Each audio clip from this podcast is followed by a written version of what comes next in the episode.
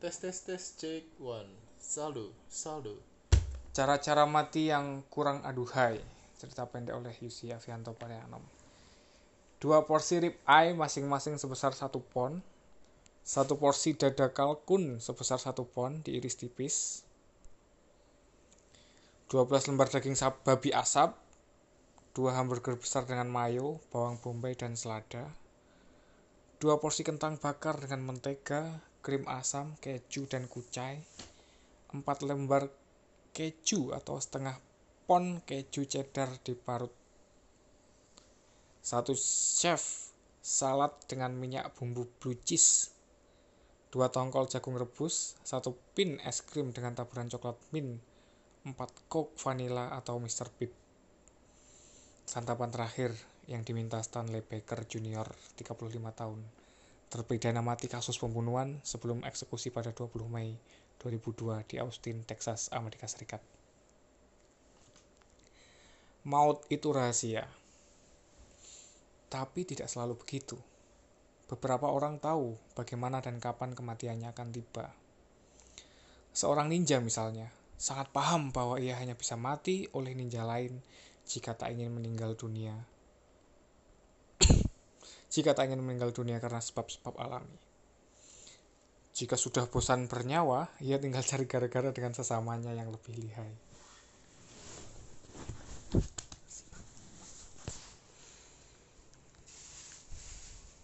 Dalam eksekusi terpidana mati, kapan dan bagaimana kematian datang malah bisa diketahui beberapa orang sekaligus. Para penjatuh hukuman dan sisial. Nasib para penderita penyakit terminal kurang lebih sama dengan derajat kepastian yang lebih longgar.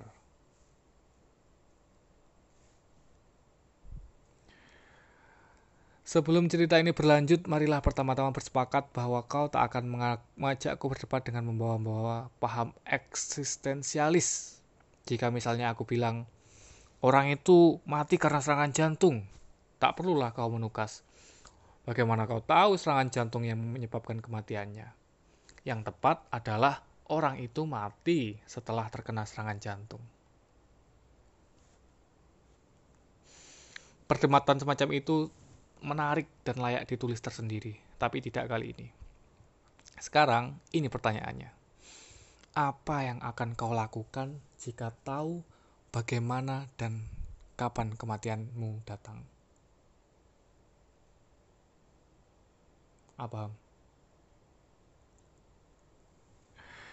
Stanley Baker Jr. seperti catatan di atas, tak ingin mati dengan perut lapar. Aduhai betul bukan? Orang mungkin bertanya-tanya, sekiranya menit-menit jelang eksekusi itu ia merasa mulas. Apa yang lebih merisaukan Baker? Belum sempat ke belakang atau sebentar lagi bakal mampus? Clearance Ray Allen tidak bisa sesantai Baker Jr. Sebelum dikirim ke kamar eksekusi pada 17 Januari 2006 di California, Allen berkali-kali meminta pengampunan. Ia bilang dirinya terlalu tua dan terlalu sakit untuk dieksekusi ia tidak bohong.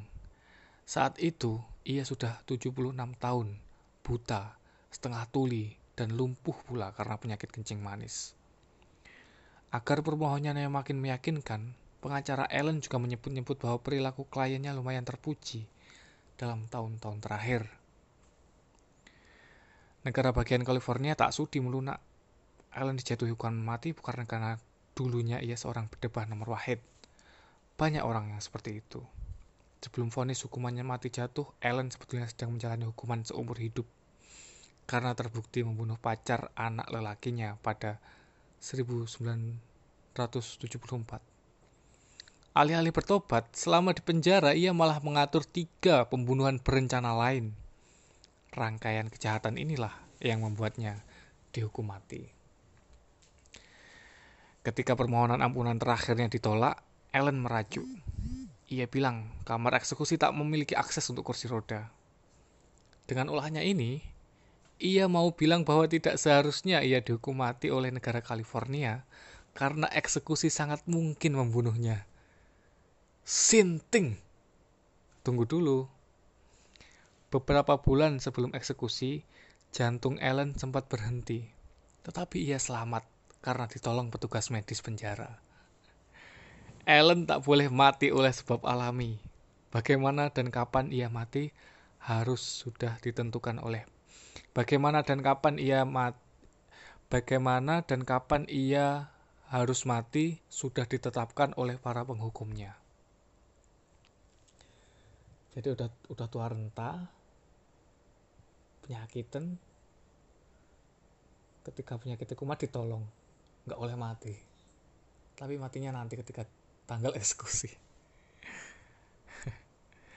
Aku tak berani bilang bahwa suntikan mati membuat Ellen tak menderita.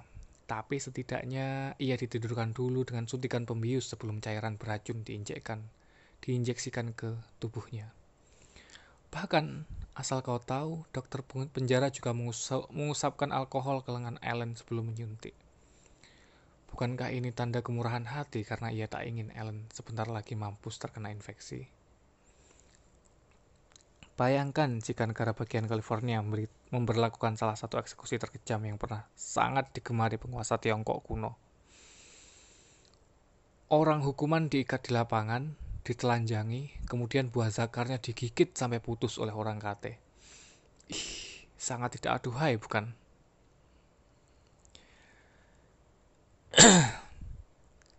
Agus Taswin, kakak iparku, merasa punya kedekatan khusus dengan para terpidana mati. Beberapa waktu yang lalu rongga atas perutnya terasa nyeri. Seminggu sesudahnya, ia kena penyakit kuning. Awalnya ia tenang-tenang saja karena satu-satunya penyakit yang mengikuti war nama warna primer ini tak sungguh-sungguh membuatnya kesakitan. Namun dokternya curiga, dan setelah pemeriksaan yang lebih menyeluruh terhadap Agus Takwin, ia membawa vonis adenokarcinomas. Sepintas mirip nama penulis penulis naskah dramaku Yunani kuno, tapi ini nama salah satu kanker pankreas.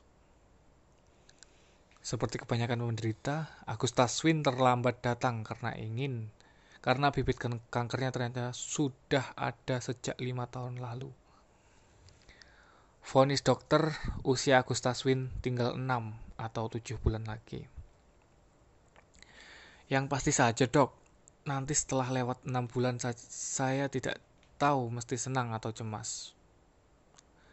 Lah maunya Pak Taswin? Tujuh ya dok, angka bagus. Langit ketujuh, tujuh turunan, tujuh bidadari yang diintip Jaka Tarub, nomor punggung Robson, Cantona, Beckham, Ronaldo. saya ikut berdoa, penggemar MU ya, saya lebih suka Arsenal.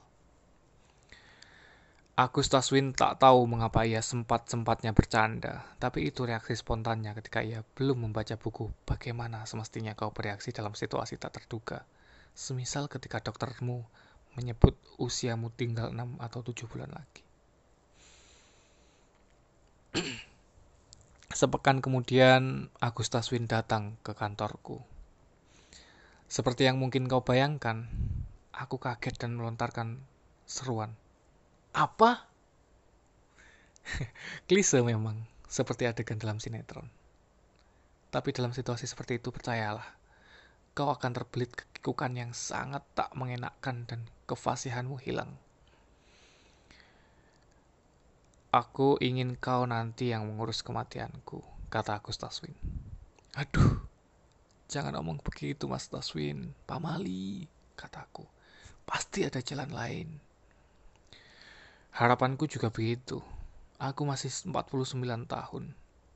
Kalau dokter memintaku terapi kemo, radio, atau bahkan operasi, pasti ku jalani. Aku juga mau cari pengobatan alternatif. Aku tidak menyerah kok. Tapi begini loh, aku tak mau merepotkan banyak orang. Jika mesti bikin susah dengan berat hati yang dan sangat berharap aku ingin kau yang mengurusku. Aku mengangguk dan tanpa bisa kubendung mataku basah. Anak-anak, gimana mas? Pada saatnya pasti akan pada saatnya aku akan bicara. Sekarang rahasiakan dulu ya. Maut itu rahasia. Biasanya begitu. Tiga tahun yang lalu, Ratna Diah Wulansari, istri Agus Taswin, kakakku satu-satunya, meninggal dunia tanpa sakit suatu apa terlebih dahulu. Sungguh ia perempuan tersehat yang pernah ku kenal. Setiap pagi, Ratna berbelanja sayur di pedagang langganan yang mangkal di perempatan jalan dekat rumahnya.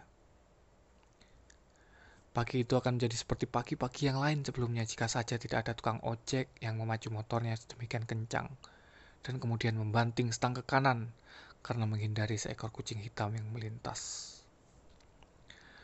Motor menghantam Ratna. Tukang ojek jatuh terguling, sementara penumpang ojek terlempar dan Ratna terpental. Ratna jatuh dengan kepala bagian belakang menghantam aspal Ketika melayang di udara dalam satu detik, mungkin juga satu setengah detik, Ratna sempat berteriak kaget. Eh, Tobil! Jika Ratna tahu bahwa sebentar lagi kesadarannya menghilang, bahkan nyawanya tangkal, mungkin ia tidak akan melontarkan seruan yang seremeh itu. Nama anak kadal. Gara-gara seruan terakhir itulah beberapa tetangga bilang bahwa Ratna matinya kurang bagus. Si penumpang ojek yang ikut sial dijemput mati pagi itu dianggap orang lebih beruntung karena sempat mengucap nama Allah. Bahkan lengkap membaca Al-Fatihah sebelum nafasnya putus. Ada yang bicara karena kucing hitam yang kulitnya sudah terkelupas di sana-sini adalah ilapat buruk. Agus Taswin terluka saat mendengarnya. Engkau percaya amal perbuatan manusia hanya ditimbang berdasarkan detik-detik terakhir hidupnya? Tanya Agus Taswin ketika itu. Tidak, kalau begitu tidak adil, kataku. Masih ingat kisah orang yang terluka di perangan dan jalan kematiannya ada yang menawarinya minum. Dan jelang kematiannya ada yang menawarinya minum. Ya, ya. Ia menerimanya walaupun menurut si pencerita orang yang menawarkan minum itu sebetulnya iblis dan kemudian seluruh amal baik orang yang terluka itu terhapus. Miriplah dengan panas tahun dihapus hujan sehari.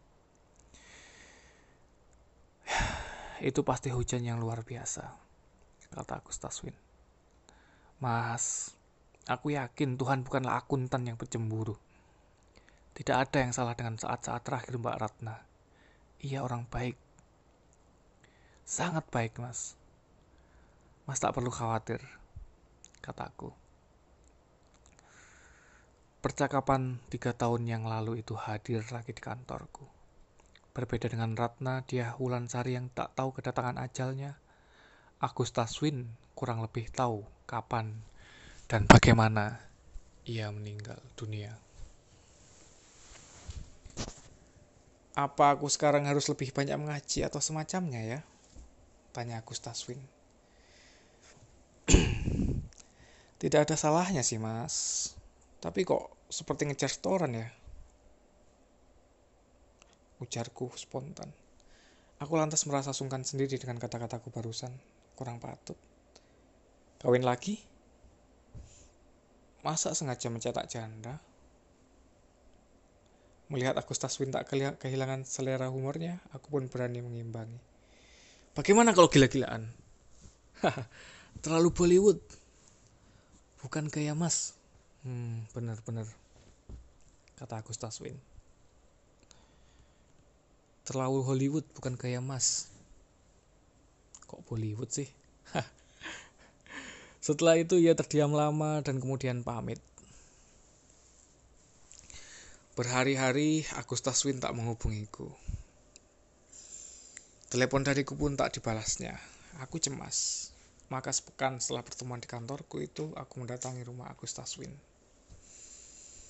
Agus Taswin sedang duduk di teras belakang memegang buku ketika aku tiba di sana.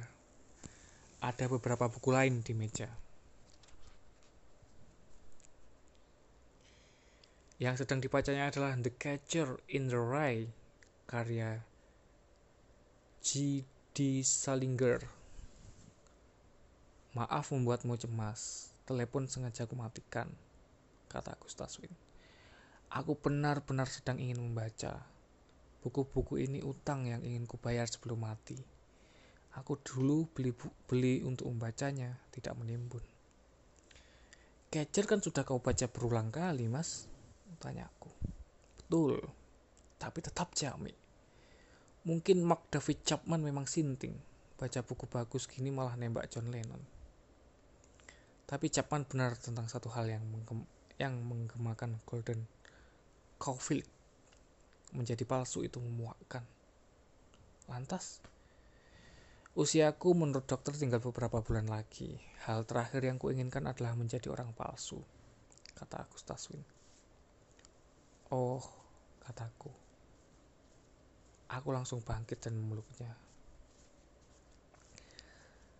Sekali manusia asik tetap asik, Mas. Tak terlalu buruk kan? Tapi eh, kenapa sekarang kau jadi yang begini?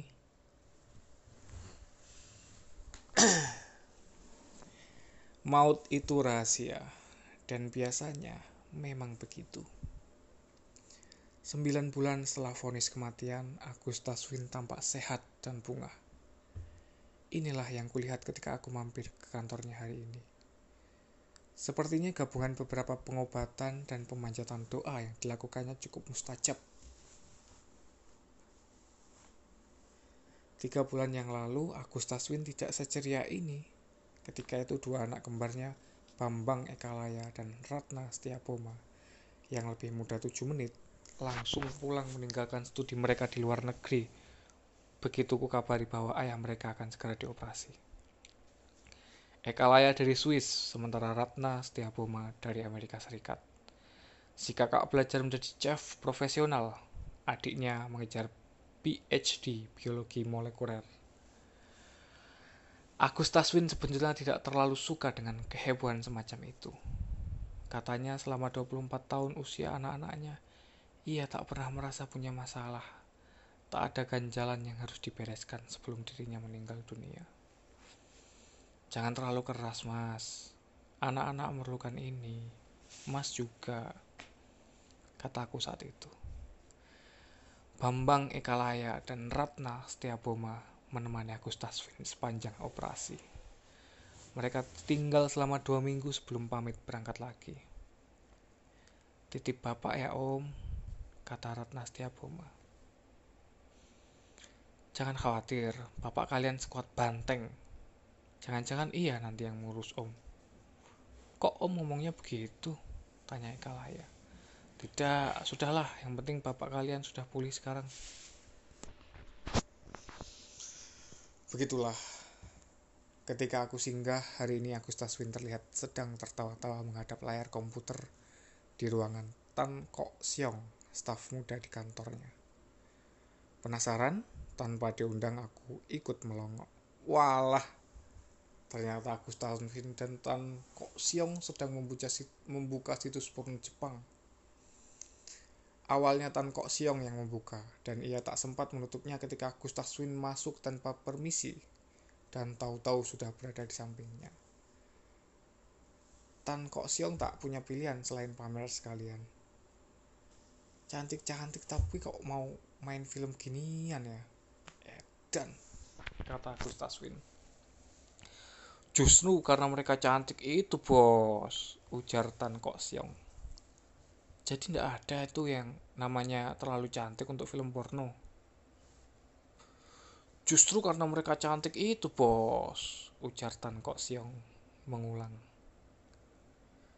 Bintang laki-lakinya aduhai, itunya kecil banget, kata Agus Taswin. Iya, Untung betul mereka, ujar Tan Kok Siong. Dari nada suaranya sepertinya ia gemas, mungkin juga geram atau malah dendam. Pilih mana? Barang kita segumprit tapi lawan mainnya indah-indah kayak mereka, atau barang kita sebesar perabot kuda tapi dapatnya cuma perempuan rongsokan? Tanyaku. Sialan, pertanyaan menarik itu, kata Agus Taswin. Kami bertiga tertawa berbarengan, tapi tak lama kemudian kami terdiam dan menelan ludah, juga berbarengan. Adegan di depan mata terlalu sayang untuk tidak dinikmati dengan seksama. Mungkin karena ingin memuaskan kami sebagai tamu tak diundangnya, mungkin juga urusan menghadap layar berjamaah ini cepat tuntas. Tan Kok Siang membuka berkas-berkas terbaik yang sudah diunduhnya. ada Sora Aoi, Maria Ozawa, Nanami Takase, Takako Kitahara, Kirara Asuka, Riko Tachibana, Ryu Hamasaki, dan beberapa nama lagi. Dengan malu-malu aku menghafalkan nama-nama itu dan mengancam bakal mengunduh sendiri begitu sempat. Siong, kamu mau nggak dikasih main tiga kali sama katakanlah Sora Aoi atau salah satu dari mereka lah. Terus kamu dibikin mati. Tanya Agus Taswin. Tan kok Siong garuk-garuk kepala lalu menjawab. Mainnya sih kebayang enaknya bos. Pengen ngerasain. Tapi ngapain juga bos? Dapat yang biasa-biasa juga oke asal tidak mati. Mati tidak enak. Tidak bisa lihat yang bagus-bagus. Dasar pandir. Kau kan bisa main dua kali saja terus pulang. Kata Agus Taswin. Kami bertiga tertawa lagi. Gara-gara omongan Agus Taswin itu, aku jadi sempat tentang make a wish. Aku jadi ingat tentang make a wish. Yayasan yang sering membantu orang mewujudkan impian. Biasanya impian terakhir orang sebelum dijemput ajal, keinginan anak-anak ketemu dengan bintang idolanya, atau menonton film aksi yang belum diputar di bioskop. Jika saja yayasan ini membuka layanan kepada terpidana mati, bintang-bintang Jepang itu akan kewalahan karena mereka begitu elok, begitu surgawi, dan alangkah penurutnya, setidaknya di tayangan yang kulihat. Bohong besar jika aku bilang bahwa tidak ikut kepingin. Satu-satunya yang mungkin menghalangiku memutus sepenuhnya hasrat lama kepada Latina jelita seperti Paz Vega atau Monica Bellucci adalah fakta bahwa wanita-wanita Sakura itu cantik dan selalu saja dirujak habis-habisan dengan alat-alat aneh oleh aktor-aktor yang ukuran penis, bentuk tubuh, dan serta rupa cecongor mereka menggelikan.